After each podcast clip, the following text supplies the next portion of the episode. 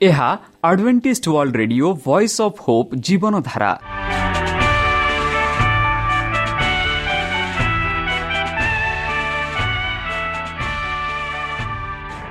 Odia radio କାର୍ଯ୍ୟକ୍ରମ ଯାହା ଆମର ଆନ୍ତର୍ଜାତୀୟ ଆଘାତ କେନ୍ଦ୍ରରୁ ପ୍ରସାରଣ କରାଯାଉଛି ପ୍ରତିଦିନ ରାତି ନଅଟା ତିରିଶ ମିନିଟ୍ରେ।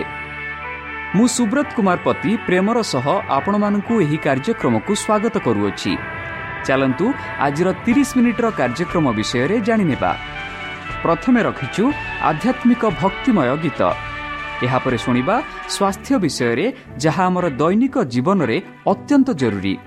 ଆଉ ପରିଶେଷରେ ଶୁଣିବା ପରମେଶ୍ୱରଙ୍କ ଭକ୍ତଙ୍କଠାରୁ ଜୀବନଦାୟକ ଈଶ୍ୱରଙ୍କ ବାକ୍ୟ। ପ୍ରିୟ ଶ୍ରୋତା ତାହେଲେ ଚାଲନ୍ତୁ ଶୁଣିବା ଏକ ଆଧ୍ୟାତ୍ମିକ ଭକ୍ତିମୟ ଗୀତ।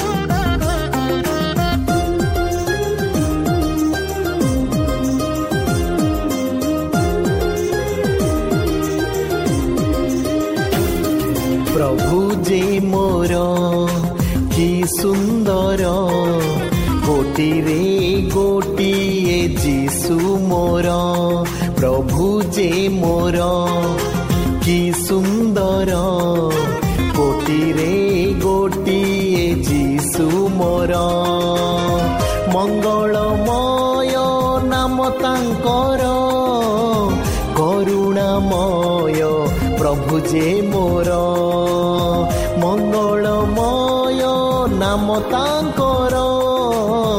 କରୁଣାମୟ ପ୍ରଭୁ ଯେ ମୋର ଆରାଧନା ଆରାଧନା।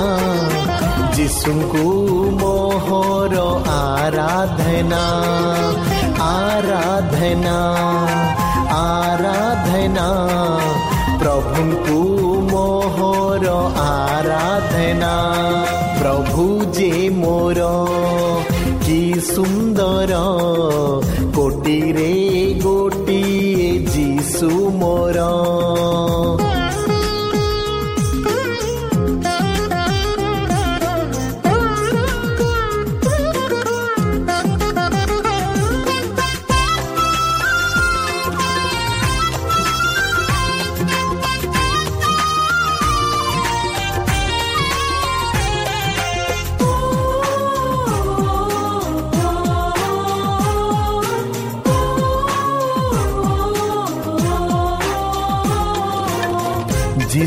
নামরে ভূত যে ডরে যিশু নামরে ছোটা যে চালে যিশু নামরে ভূত যে ডরে যিশু নামরে ছোটা যে চালে কি দয়া ତାଙ୍କର କି ପ୍ରେମ ତାଙ୍କର ସବୁଠୁ ସୁନ୍ଦର ପ୍ରଭୁ ଯେ ମୋର କି ଦୟା ତାଙ୍କର କି ପ୍ରେମ ତାଙ୍କର ସବୁଠୁ ସୁନ୍ଦର ପ୍ରଭୁ ଯେ ମୋର। ଆରାଧନା ଆରାଧନା ଯୀଶୁଙ୍କୁ ମୋହର ଆରାଧନା ଆରାଧନା ଆରାଧନା ପ୍ରଭୁଙ୍କୁ ମୋହର ଆରାଧନା। ପ୍ରଭୁ ଯେ ମୋର କି ସୁନ୍ଦର କୋଟିରେ ଗୋଟିଏ ଯୀଶୁ ମୋର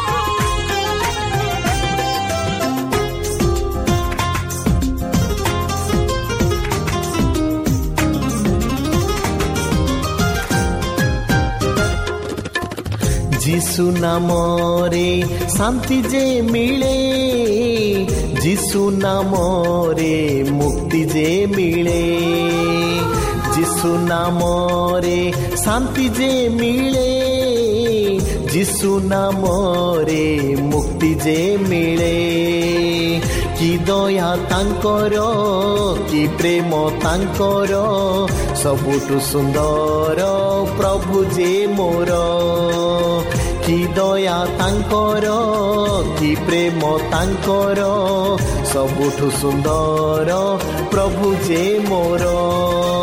ଆରାଧନା ଆରାଧନା ଯୀଶୁଙ୍କୁ ମୋହର ଆରାଧନା ଆରାଧନା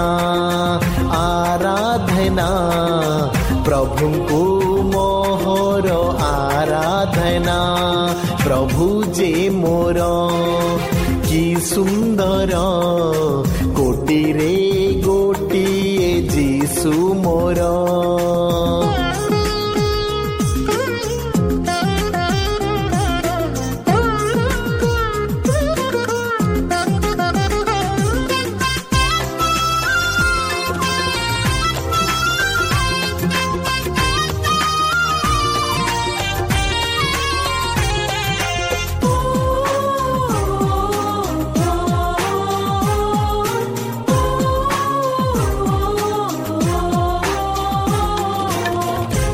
যিশু নামরে অন্ধ যে দেখে যিশু নামরে মুক যে কহে যিশু নামরে অন্ধ যে দেখে যিশু নামরে মুক যে কহে কি দয়া তাঙ্কর কি প্রেম তাঙ্কর ସବୁଠୁ ସୁନ୍ଦର ପ୍ରଭୁ ଯେ ମୋର କି ଦୟା ତାଙ୍କର କି ପ୍ରେମ ତାଙ୍କର ସବୁଠୁ ସୁନ୍ଦର ପ୍ରଭୁ ଯେ ମୋର। ଆରାଧନା ଆରାଧନା ଯୀଶୁଙ୍କୁ ମୋହର ଆରାଧନା ଆରାଧନା ଆରାଧନା ପ୍ରଭୁଙ୍କୁ ମୋହର ଆରାଧନା।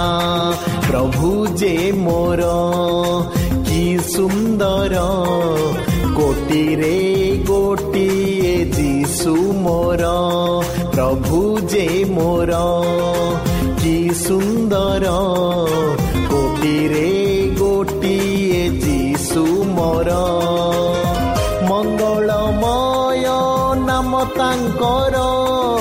প্রিয় শ্রোতা আমি আশা করুଛୁ ଯେ ଆମର କାର୍ଯ୍ୟକ୍ରମ ଆପଣମାନଙ୍କୁ ପସନ୍ଦ ଲାଗୁଥିବ ଆପଣଙ୍କର ମତାମତ ଜଣାଇବା ପାଇଁ ଆମର ଏହି ଠିକଣାରେ ଯୋଗାଯୋଗ କରନ୍ତୁ ଆମ ଠିକଣା Adventist media centre S SDA mission compound Salisbury Park Pune ଚାରି ଏକ ଏକ ଶୂନ ତିନି ସାତ ମହାରାଷ୍ଟ୍ର ବା ଖୋଲନ୍ତୁ ଆମର ୱେବ୍ସାଇଟ୍ ଯେକୌଣସି Android phone smartphone desktop laptop କିମ୍ବା ଟ୍ୟାବ୍ଲେଟ୍ ଆମର website W W W dot A W R O R G slash O R I ଏବଂ W W W dot Adventist media centre India dot O R G ବର୍ତ୍ତମାନ ଚାଲନ୍ତୁ ଶୁଣିବା ଈଶ୍ୱରଙ୍କ ଭକ୍ତଙ୍କଠାରୁ ଈଶ୍ୱରଙ୍କ ଜୀବନଦାୟକ ବାକ୍ୟ ଜୀବନର ଆଲୋକ ନମସ୍କାର ପ୍ରିୟ ଶ୍ରୋତା ସେହି ସର୍ବଶକ୍ତି ସର୍ବଜ୍ଞାନୀ ପ୍ରେମର ସାଗର ଦୟାମୟ ଅନ୍ତର୍ଜମୀ ଅନୁଗ୍ରହ ପରମ ପିତାଙ୍କ ମଧୁର ନାମରେ ମୁଁ ପାଷ୍ଟ ପୂର୍ଣ୍ଣଚନ୍ଦ୍ର ଆଉ ଥରେ ଆପଣମାନଙ୍କୁ ଏହି କାର୍ଯ୍ୟକ୍ରମରେ ସ୍ୱାଗତ କରୁଅଛି। ସେହି ସର୍ବଶକ୍ତି ପରମେଶ୍ୱର ଆପଣମାନଙ୍କୁ ଆଶୀର୍ବାଦ କରନ୍ତୁ। ଆପଣଙ୍କୁ ସମସ୍ତ ପ୍ରକାର ଦୁଃଖ କଷ୍ଟ ବାଧା କ୍ଲେଶରୁ ଦୂରେଇ ରଖୁ। ବିଶେଷ ଭାବରେ ବର୍ତ୍ତମାନ ଯେଉଁ କରୋନା ମହାମାରୀ ସାରା ପୃଥିବୀକୁ ଆପଣା ପ୍ରଭାବ ଦେଖାଉଅଛି ସେହି ପ୍ରଭାବରୁ ସେହି ପରମେଶ୍ୱର ଆପଣମାନଙ୍କୁ ସୁରକ୍ଷାରେ ରଖନ୍ତୁ। ତାହାଙ୍କ ପ୍ରେମ ତାହାଙ୍କ ସ୍ନେହ ତାହାଙ୍କ କୃପା ସଦାସର୍ବଦା ଆପଣଙ୍କଠାରେ ସହବର୍ତ୍ତୀ ରହୁ। ପ୍ରିୟ ଶ୍ରୋତା ଚାଲନ୍ତୁ। ଆଜି ଆମ୍ଭେମାନେ କିଛି ସମୟ ପବିତ୍ର ଶାସ୍ତ୍ର ବାଇବଲଠୁ ତାହାଙ୍କ ଜୀବନଦାୟକ ବାକ୍ୟ ଧ୍ୟାନ କରିବା। ଆଜିର ଆଲୋଚନା ହେଉଛି ଜୀବନର ଆଲୋକ। ବନ୍ଧୁ ଯେପରି ଯୀଶୁ ପୁନର୍ବାର କହିଲେ ମୁଁ ଜଗତର ଆଲୋକ ଅଟେ। ଯିଏ ମୋତେ ଅନୁସରଣ କରେ ସେ ଅନ୍ଧକାରରେ ଗମନ କରିବ ନାହିଁ। ମାତ୍ର ଜୀବନର ଆଲୋକ ପାଇବ ଆଉ ଜୀବନର ଆଲୋକରେ ସେ ଯାତ୍ରା କରିବ। ଯେତେବେଳେ ସେ ଏହିସବୁ କଥା କହିଲେ ବନ୍ଧୁ ଯୀଶୁ ମନ୍ଦିରର ପ୍ରାଙ୍ଗଣରେ ବିଶେଷ ଭାବରେ ତମ୍ବୁ ପର୍ବଗୁଡ଼ିକର ସେବା ସଜିତ ଜଡ଼ିତ ଥିଲା।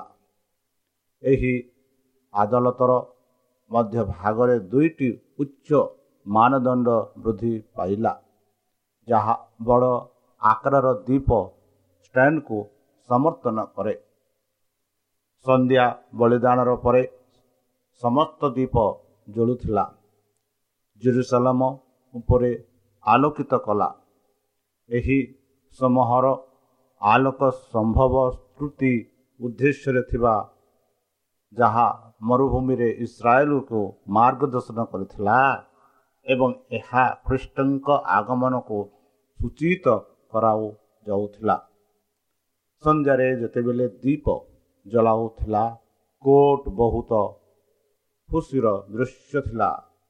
ସୁଧର ବାଲିଆ ପୁରୁଷ ମନ୍ଦିରର ପୁରୋହିତ ଏବଂ ଲୋକମାନଙ୍କ ଶାସକମାନେ ଉତ୍ସବର ନେତୃତ୍ୱରେ ବାଦ୍ୟଯନ୍ତ୍ରର ବାଦ୍ୟ ଓ ଲେବ୍ୟମାନଙ୍କ ଜ୍ୟୋତିରେ ଏକତ୍ରିତ ହୋଇଥିଲେ।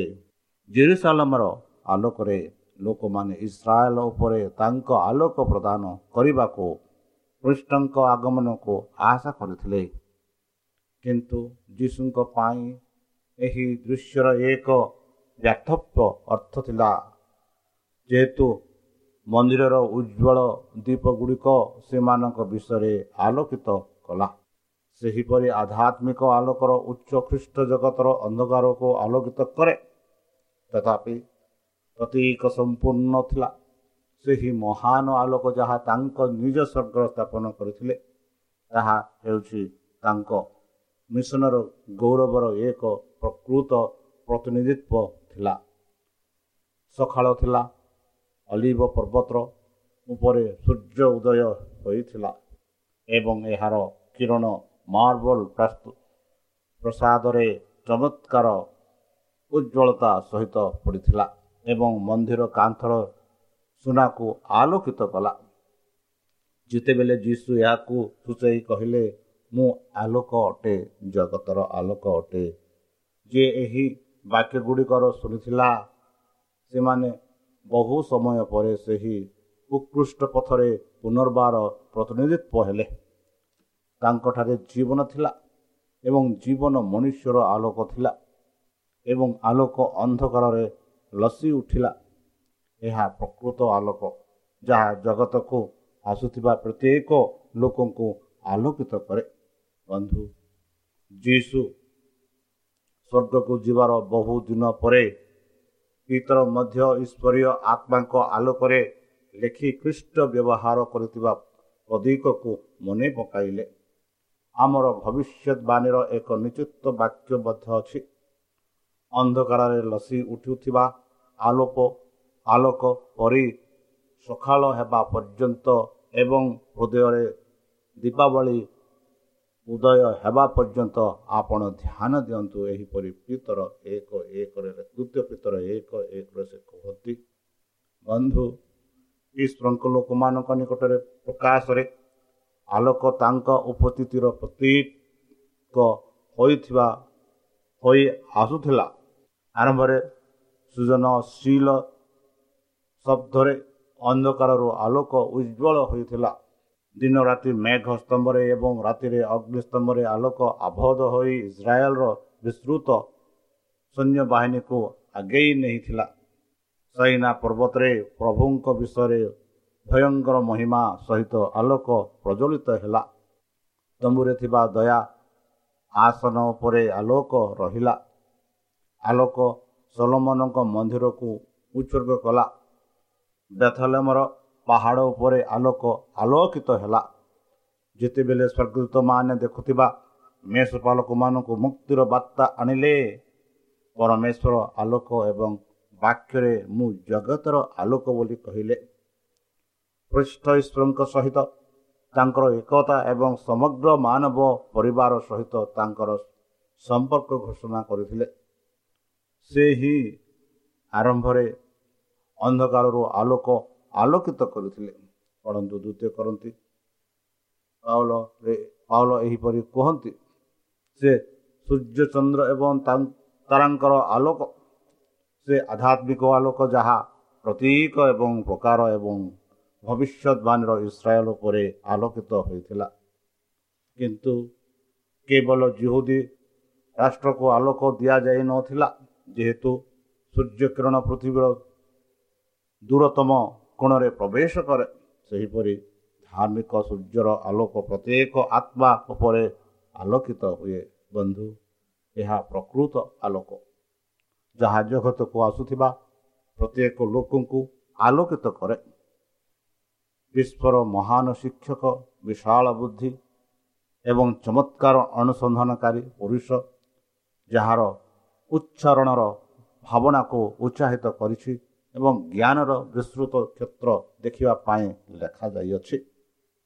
ଏବଂ ଏହି ବ୍ୟକ୍ତିମାନେ ସେମାନଙ୍କ ଜାତିର ମାର୍ଗଦର୍ଶନ ଏବଂ ଉପକାରୀ ଭାବରେ ସମ୍ମାନିତ ହୋଇଛନ୍ତି। କିନ୍ତୁ ଜଣେ ଅଛନ୍ତି ଯିଏ ସେମାନଙ୍କଠାରୁ ଉଚ୍ଚେଇ ଠିଆ ହୋଇଛନ୍ତି। ଯେତେବେଳେ ଲୋକ ତାହାଙ୍କୁ ଗ୍ରହଣ କରେ ସେ ସେମାନଙ୍କୁ ଈଶ୍ୱରଙ୍କ ପୁତ୍ର ହେବାକୁ ଶକ୍ତି ପ୍ରଦାନ କରେ।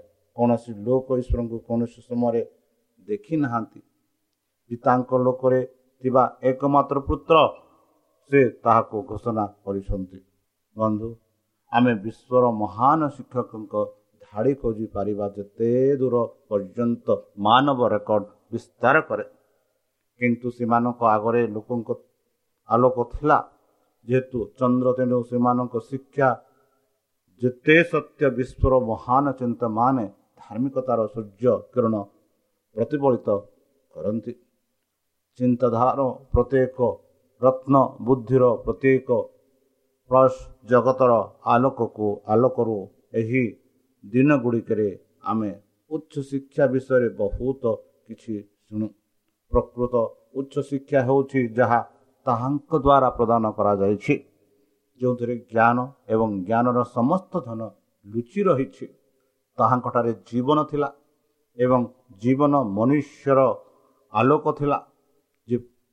ଯୀଶୁ କହିଲେ ଯେଉଁ ଲୋକ ମୋର ଅନୁସରଣ କରେ ସେ ଅନ୍ଧକାରରେ ଚାଲିବ ନାହିଁ। ବରଂ ଜୀବନର ଆଲୋକ ପାଇବ। ବନ୍ଧୁ ଯୀଶୁ କହିଲେ ମୁଁ ଜଗତର ଆଲୋକ ମୁଁ ଜଗତର ଆଲୋକ। ଯୀଶୁ ନିଜକୁ ଖ୍ରୀଷ୍ଟ ବୋଲି ଘୋଷଣା କଲେ। ଖ୍ରୀଷ୍ଟ ବର୍ତ୍ତମାନ ଶିକ୍ଷା ଦେଉଥିବା ମନ୍ଦିରରେ ବୃଦ୍ଧି ଶିଷ୍ୟମାନେ ବା ସିମନ ତାଙ୍କ ବିଷୟରେ କହିଥିଲେ ଯେ ଅନଜୁହୁଦୀମାନଙ୍କ ହାଲୁକା କରିବା ପାଇଁ ଆଲୋକ ଏବଂ ତୁମର ଲୋକ ଇସ୍ରାଏଲର ଗୌରବ। ଏହିପରି ଲୋକ ଦୁଇ ବତିଶରେ ଆମେ ପାଉଅଛୁ। ବନ୍ଧୁ ଏହି ବାକ୍ୟରେ ସେ ତାଙ୍କ ନିକଟରେ ସମସ୍ତ ଇସ୍ରାଏଲ ପାଇଁ ଏକ ଭବିଷ୍ୟତବାଣୀ ପ୍ରୟୋଗ କରିଥିଲେ। ଭବିଷ୍ୟତ ଭକ୍ତା ଯୀଶାଙ୍କ ଦ୍ୱାରା ପବିତ୍ର ଆତ୍ମା ଘୋଷଣା କରିଥିଲେ। ଏହିପରିକି ଜାକୁବର ପରିବାରକୁ ବଞ୍ଚାଇବା ଏବଂ ଇସ୍ରାଏଲ ସଂରକ୍ଷିତ ସ୍ଥାନ ପୁନଃସ୍ଥାପନ କରିବା ପାଇଁ ତୁମେ ମୋର ସେବକ ହେବା ଅତ୍ୟନ୍ତ ହାଲୁକା କଥା। ମୁଁ ମଧ୍ୟ ତୁମକୁ ଆଲୋକ ପାଇଁ ଦେବି। ଅନ୍ୟ ଜୁହୁଦୀମାନେ ପୃଥିବୀର ଶେଷ ପର୍ଯ୍ୟନ୍ତ ତୁମେ ମୋର ପରିତ୍ରାଣ ହୋଇପାରିବ। ଏହିପରି ଯିଶା ଭବିଷ୍ୟତ ଭକ୍ତାଙ୍କ ଦ୍ୱାରା ପ୍ରଭୁ ଯୀଶୁ କହିଥିଲେ ଯିଶା ଭବିଷ୍ୟତ ବିଷୟ ଅଣଚାଳିଶ ଛଅରେ। ଏହି ଭବିଷ୍ୟତବାଣୀ ସାଧାରଣ ଖ୍ରୀଷ୍ଟଙ୍କ ବିଷୟରେ କୁହାଯାଇଥିଲା ବନ୍ଧୁ। ଏବଂ ଯେତେବେଳେ ଯୀଶୁ କହିଥିଲେ ମୁଁ ଜଗତର ଆଲୋକ ଅଟେ। ଫାରୁସି ଏବଂ ଶାସକମାନଙ୍କ ପାଇଁ ଏହି ଦାବି ଏକ ଅହଙ୍କାର ଅନୁମାନ ପରି ମନେ ହେଲା। ସେ ନିଜ ପରି ଜଣେ ବ୍ୟକ୍ତି ଏପରିକି ଛଳନା କରିବା ଉଚିତ ଯାହା ସେମାନେ ସତ୍ୟ କରିପାରିଲେ ନାହିଁ। ତାଙ୍କ କଥାରୁ ଅନଦେଖା କରି ସେମାନେ ପଚାରିଲେ ତୁମେ କିଏ? ସେମାନେ ନିଜକୁ ଖ୍ରୀଷ୍ଟ ବୋଲି ଘୋଷଣା କରିବାକୁ ବାଧ୍ୟ କଲେ। ତାଙ୍କର ରୂପ ଏବଂ ତାଙ୍କର କାର୍ଯ୍ୟ ଲୋକଙ୍କ ଆଶ ସହିତ ଏତେ ଭିନ୍ନ ଥିଲା ଯେ ଯେପରି ତାଙ୍କର ଚତୁର ଶତ୍ରୁମାନେ ବିଶ୍ୱାସ କରୁଥିଲେ। ଖ୍ରୀଷ୍ଟ ଭାବରେ ନିଜକୁ ପ୍ରତ୍ୟେକ ବା ପ୍ରତ୍ୟକ୍ଷ ଭାବରେ ଘୋଷଣା କରିବା ଦ୍ୱାରା ତାଙ୍କୁ ଜଣେ ମିଥ୍ୟାବାଦୀ ଭାବରେ ପ୍ରତ୍ୟାଖ୍ୟାନ କରାଯିବ। କିନ୍ତୁ ସେମାନଙ୍କର ପ୍ରଶ୍ନକୁ ତୁମେ କିଏ ଯୀଶୁ ଉତ୍ତର ଦେଲେ ମୁଁ ଆରମ୍ଭରୁ ଯାହା କହିଥିଲି ତାହା ମଧ୍ୟ ଅଟେ ପଢ଼ନ୍ତୁ ଜହନ ଆଠ ପଚିଶ। ବନ୍ଧୁ ଯାହା ତାଙ୍କ ବାକ୍ୟରେ ପ୍ରକାଶିତ ହୋଇଥିଲା ତାହା ମଧ୍ୟ ତାଙ୍କ ଚରିତ୍ରରେ ପ୍ରକାଶିତ ହେଲା। ସେ ଶିକ୍ଷା ଦେଇଥିବା ସତ୍ୟର ପ୍ରତୀକ ଥିଲେ। ସେ କହିଛନ୍ତି ମୁଁ ନିଜେ କିଛି କରେ ନାହିଁ କିନ୍ତୁ ମୋର ପରମ ପିତା ମୋତେ ଯେପରି ଶିକ୍ଷା ଦେଇଛନ୍ତି ମୁଁ ଏସବୁ କଥା କହୁଛି। ଯିଏ ମୋତେ ପଠାଇଛନ୍ତି ସେ ମୋ ସହିତ ଅଛନ୍ତି। ପରମ ପିତା ମୋତେ ଏଗୁଡ଼ି ଏକୁଟିଆ ଛାଡ଼ି ନାହାନ୍ତି କାରଣ ମୁଁ ସର୍ବଦା ତାହାଙ୍କୁ ସନ୍ତୁଷ୍ଟ କରୁଥିବା କାର୍ଯ୍ୟ କରେ। ସେ ତାଙ୍କର ମିଶନ ଦାବିକୁ ପ୍ରମାଣ କରିବାକୁ ଚେଷ୍ଟା କଲେ ନାହିଁ କିନ୍ତୁ ଈଶ୍ୱରଙ୍କ ସହିତ ତାଙ୍କର ଏକତା ଦେଖାଇଲେ। ଯଦି ସେମାନଙ୍କ ମନ ଈଶ୍ୱରଙ୍କ ପ୍ରେମ ପାଇଁ ଖୋଲା ହୋଇଥାନ୍ତା ସେମାନେ ଯୀଶୁଙ୍କୁ ଗ୍ରହଣ କରିଥାନ୍ତେ। ବନ୍ଧୁ ତାଙ୍କ ଶ୍ରୋତାମାନଙ୍କ ମଧ୍ୟରେ ଅନେକ ବିଶ୍ୱାସ ତାଙ୍କ ନିକଟକୁ ଆକର୍ଷିତ ହେଲେ ଏବଂ ସେ ସେମାନଙ୍କୁ କହିଲେ ଯଦି ତୁମେ ମୋର ବାକ୍ୟରେ ଅବ୍ୟାହତ ରୁହ ତେବେ ତୁମେମାନେ ପ୍ରକୃତରେ ମୋର ଶିଷ୍ୟ। ତୁମେମାନେ ସତ୍ୟ ଜାଣିବ ଏବଂ ସତ୍ୟ ତୁମମାନଙ୍କୁ ମୁକ୍ତି କରିବ ଏହିପରି ଯୀଶୁ କହିଥିଲେ। ଏହି ବାକ୍ୟ ଫରିସୀମାନଙ୍କୁ ବିରକ୍ତ କଲା। ବିଦେଶୀ ଜୁଆଲିରେ ଦେଶର ଦୀର୍ଘ ଦିନର ଅଧୀନତା ସେମାନେ ଏହାକୁ ଅବମାନନା କଲେ ଏବଂ କ୍ରୋଧିତ ଭାବରେ ଚିତ୍କାର କରି କହିଲେ ଆମେ ଅବ୍ରାହ୍ମଙ୍କ ବଂଶଧର ଏବଂ କୌଣସି ଲୋକର ଦାସତ୍ୱରେ ନଥିଲୁ। ଯୀଶୁ ଏହି ଲୋକମାନଙ୍କୁ ଦେଖିଲେ ଦୁଷ୍କର୍ମର ଦାସ ଯାହାର ଚିନ୍ତାଧାରା ପ୍ରତିଶୋଧ ନେବାକୁ ଲାଗିଲା ଏବଂ ଦୁଃଖର ସହିତ ଉତ୍ତର ଦେଲେ ମୁଁ ତୁମକୁ ସତ୍ୟ କହୁଛି। ଯିଏ ପାପ କରେ ସେ ପାପର ସେବକ ଅଟେ। ମନ୍ଦ ଆତ୍ମା ଦ୍ୱାରା ସେମାନେ ଆଧ୍ୟାତ୍ମିକ ଦାସତ୍ୱରେ ଥିଲେ ବନ୍ଧୁ। ପ୍ରତ୍ୟେକ ଆତ୍ମା ଯିଏ ନିଜକୁ ଈଶ୍ୱରଙ୍କ ଦେବାକୁ ମନ କରନ୍ତି ସେ ଅନ୍ୟ ଏକ ଶକ୍ତି ଅଧୀନରେ କେବେ ହେଲେ ରୁହନ୍ତି ନାହିଁ। ସେ ତାଙ୍କର ନୁହନ୍ତି। ସେ ସ୍ୱାଧୀନତା ବିଷୟରେ କହିପାରନ୍ତି କିନ୍ତୁ ସେ ଅଧ୍ୟାତ୍ମିକ ଘୃଣ୍ୟ ଦାସତ୍ୱରେ ଅଛନ୍ତି। ତାଙ୍କୁ ସତ୍ୟର ସୌନ୍ଦର୍ଯ୍ୟ ଦେଖିବାକୁ ଅନୁମତି ଦିଆଯାଇନଥାଏ କାରଣ ତାଙ୍କ ମନ ଶୈତାନର ଅଧୀନରେ ଅଛି। ସେ ନିଜକୁ ସନ୍ତୁଷ୍ଟ କରୁଥିବା ବେଳେ ସେ ନିଜ ବିବାଚର ଆଦେଶ ପାଳନ କରୁଛନ୍ତି। ସେ ଅନ୍ଧକାରର ରାଜକୁମାରଙ୍କ ଇଚ୍ଛା ପାଳନ କରୁଛନ୍ତି। ଖ୍ରୀଷ୍ଟ ଆତ୍ମାଙ୍କ ଠାରୁ ପାପ ଦାସତ୍ୱ ଶକ୍ତିକୁ ଭାଙ୍ଗିବାକୁ ଆସିଥିଲେ। ଯଦି ପୁତ୍ର ତୁମକୁ ମୁକ୍ତ କରିବେ ତେବେ ତୁମେ ପ୍ରକୃତରେ ମୁକ୍ତ ହେବ। ଖ୍ରୀଷ୍ଟ ଯୀଶୁଖ୍ରୀଷ୍ଟଙ୍କଠାରେ ଜୀବନର ଆତ୍ମାର ନିୟମ ଆମକୁ ପାପ ମୃତ୍ୟୁ ନିୟମକୁ ମୁକ୍ତ କରେ ବନ୍ଧୁ। ମୁକ୍ତି କାର୍ଯ୍ୟରେ କୌଣସି ବାଧ୍ୟତା ନାହିଁ। କୌଣସି ବାହ୍ୟ ଶକ୍ତି ନିୟୋଜିତ ନୁହେଁ। ଈଶ୍ୱରଙ୍କ ଆତ୍ମାର ପ୍ରଭାବରେ ମନୁଷ୍ୟ କାହାକୁ ସେବା କରିବା ତାହା ବାଛିବା ପାଇଁ ମୁକ୍ତ କରିଥାଏ। ଯେତେବେଳେ ଆତ୍ମାକୃଷ୍ଣଙ୍କ ନିକଟରେ ଆତ୍ମା ସମର୍ପଣ କରେ ସେ ପରିବର୍ତ୍ତନରେ ସ୍ୱାଧୀନର ସର୍ବୋଚ୍ଚ ଭାବନା ଥାଏ। ପାପର ବହିଷ୍କାର ହେଉଛି ଆତ୍ମାର କାର୍ଯ୍ୟ। ସତ୍ୟ ସୈତାନର ନିୟନ୍ତ୍ରଣରୁ ନିଜକୁ ମୁକ୍ତ କରିବାକୁ ଆମର କୌଣସି ଶକ୍ତି ନାହିଁ। କିନ୍ତୁ ଯେତେବେଳେ ଆମେ ପାପରୁ ମୁକ୍ତ ହେବାକୁ ଇଚ୍ଛା କରୁ ବନ୍ଧୁ ଏବଂ ଆମର ଆଧ୍ୟାତ୍ମିକ ଆବଶ୍ୟକତା ଭିତରେ ଏବଂ ନିଜ ଉପରେ ଏକ ଶକ୍ତି ପାଇଁ ଚିତ୍କାର କରୁ ଆତ୍ମାଙ୍କ ଶକ୍ତି ପବିତ୍ର ଆତ୍ମାଙ୍କ ଈଶ୍ୱରୀୟ ଶକ୍ତି ଦ୍ୱାରା ପ୍ରଭାବିତ ହୁଏ ଏବଂ ସେମାନେ ଜ୍ଞାନ ପାଳନ କରନ୍ତି। ଈଶ୍ୱରଙ୍କ ଇଚ୍ଛା ପୂରଣ କରିବାରେ ଇଚ୍ଛା କରିବେ। ବନ୍ଧୁ ମନୁଷ୍ୟର ସ୍ୱାଧୀନତା ସମ୍ଭବ ଏକମାତ୍ର ସ୍ୱାର୍ଥ ହେଉଛି କୃଷ୍ଣଙ୍କ ସହିତ ଏକ ହେବା। ସତ୍ୟ ଆପଣଙ୍କୁ ମୁକ୍ତ କରିବ ଏବଂ ଖ୍ରୀଷ୍ଟ ହେଉଛନ୍ତି ସତ୍ୟ। ପାପ କେବଳ ମନକୁ ଦୁର୍ବଳ କରେ ଏବଂ ଆତ୍ମାର ସ୍ୱାଧୀନତାକୁ ନଷ୍ଟ କରି ଜୟ କରିପାରିବ। ଈଶ୍ୱରଙ୍କ ଅଧୀନତା ହେଉଛି ମନୁଷ୍ୟର ପ୍ରକୃତ ଗୌରବ ଏବଂ ସମ୍ମାନର ପୁନରୁଦ୍ଧାର।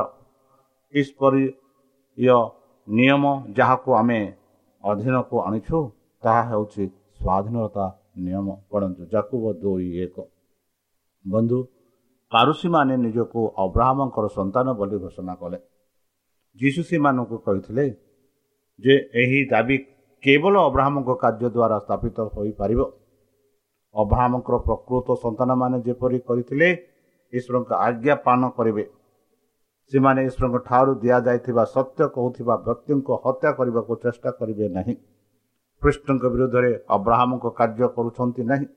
ଅବ୍ରାହ୍ମଙ୍କ ଠାରୁ ଏକ ବଂଶାନୁକ୍ରମିକ କୌଣସି ମୂଲ୍ୟ ନଥିଲା। ତାଙ୍କ ସହିତ ଆଧ୍ୟାତ୍ମିକ ସଂଯୋଗ ବିନା ଯାହା ସମାନ ଆତ୍ମା ଧାରଣା କରିବେ କରିବାରେ ଏକ ଏବଂ ସମାନ କାର୍ଯ୍ୟ କରିବା ଦ୍ୱାରା ପ୍ରକାଶ ପାଇବ ସେମାନେ ତାଙ୍କର ସନ୍ତାନ ନଥିଲେ। ଏଥିଯୋଗୁଁ ଏହିପରି ସେମାନେ ଉତ୍ତର ଦେଉଥିଲେ ଏହିପରି କାର୍ଯ୍ୟ କରୁଥିଲେ। ବନ୍ଧୁ ତାହେଲେ ଚାଲନ୍ତୁ। ସେହି ସଦାପ୍ରଭୁ ପରମେଶ୍ୱରଙ୍କ ସନ୍ତାନ ହେବା ପାଇଁ ଆପଣମାନେ ଇଚ୍ଛା କରୁଛନ୍ତି କି? ତାହେଲେ ଚାଲନ୍ତୁ ନିଜକୁ ସମର୍ପଣ କରି ତାହାଙ୍କ ମଧ୍ୟ ନାମେ ଆମେ ପ୍ରାର୍ଥନା ଉତ୍ସର୍ଗ କରିବା। ହେ ଆମ୍ଭମାନଙ୍କ ସର୍ବଶକ୍ତି ସର୍ବଜ୍ଞାନୀ ପ୍ରେମର ସାଗର ଦୟାମୟ ଆନ୍ତର୍ଜମୀ ଅନୁଗ୍ରହ ପିତା। ଧନ୍ୟବାଦ ଅର୍ପଣ କରୁଛୁ ପ୍ରଭୁ ବର୍ତ୍ତମାନ ଯେଉଁ ବାକ୍ୟ ତୁମ ଭକ୍ତଙ୍କ ଦ୍ୱାରା ମାନଙ୍କୁ ଶୁଣାଇଲେ ସେହି ବାକ୍ୟ ଅନୁସାରେ ଏମାନଙ୍କୁ ଚାଲିବା ପାଇଁ ବୁଦ୍ଧିରେ ଜ୍ଞାନରେ ଶକ୍ତିରେ ପରିପୂର୍ଣ୍ଣ କର। ପବିତ୍ର ଆତ୍ମା ଦ୍ୱାରା ଆମମାନଙ୍କୁ ପରିଚାଳନା କର। ଆମ ପାପ ସବୁ ତୁମ ସେହି ବହୁମୂଲ୍ୟ ରକ୍ତରେ ପରିଷ୍କାର କରି ଧୋଇଦିଅ। ପରମ ପିତା ବର୍ତ୍ତମାନ ଯେଉଁ କରୁଣା ମହାମାରୀ ସାରା ପୃଥିବୀକୁ ଆପଣ ପ୍ରଭାବ ଦେଖାଉଅଛି ଆଉ ସେହି ପ୍ରଭାବରୁ ଆମମାନଙ୍କୁ ସୁରକ୍ଷାରେ ରଖ। ପରିଶେଷରେ ଯେବେ ତୁମେ ତୁମ ସେହି ସହସ୍ରଦୂତଙ୍କ ସହ ଆପଣ ସାଧୁମାନଙ୍କୁ ସଂଗ୍ରହ କରିବା ନିମନ୍ତେ ଆସିବେ ହେ ପରମେଶ୍ୱର ସେତେବେଳେ ଆମମାନଙ୍କୁ ଏକ ବାସ ସ୍ଥାନ ଦିଅ ବୋଲି ପ୍ରାଣକର୍ତ୍ତା ପ୍ରଭୁ ଯୀଶୁଙ୍କ ମଧୁରମୟ ନାମରେ ଏହି ଛୋଟ ବିକ୍ଷମ ଅଛି ତୁମେ ଗ୍ରହଣ କର। ପ୍ରିୟ ଶ୍ରୋତା ଆମେ ଆଶା କରୁଛୁ ଯେ ଆମର କାର୍ଯ୍ୟକ୍ରମ ଆପଣମାନଙ୍କୁ ପସନ୍ଦ ଲାଗୁଥିବ। ଆପଣଙ୍କର ମତାମତ ଜଣାଇବା ପାଇଁ ଆମର ଏହି ଠିକଣାରେ ଯୋଗାଯୋଗ କରନ୍ତୁ। ଆମ ଠିକଣା Adventist media centre SDA mission compound Salisbury Park Pune ଚାରି ଏକ ଏକ ଶୂନ ତିନି ସାତ ମହାରାଷ୍ଟ୍ର। ବା ଖୋଲନ୍ତୁ ଆମର ୱେବସାଇଟ୍ ଯେକୌଣସି Android phone smartphone desktop laptop କିମ୍ବା ଟ୍ୟାବ୍ଲେଟ୍ ଆମର website W W W dot A W R dot O R G slash O R I ଏବଂ W W W dot Adventist media centre India dot O R G Adventist media centre ଇଣ୍ଡିଆର spelling ହେଉଛି A D V E N T I S T M E D I A C E N T R E I N D I A ଅଥବା download କରନ୍ତୁ ଆମର mobile app ଆପଣଙ୍କର mobile play ଷ୍ଟୋରକୁ ଯାଆନ୍ତୁ ଆଉ type କରନ୍ତୁ the Voice of Hope ଆଉ download କରନ୍ତୁ। ଈଶ୍ୱର ଆପଣଙ୍କୁ ଆଶୀର୍ବାଦ କରନ୍ତୁ। ଧନ୍ୟବାଦ।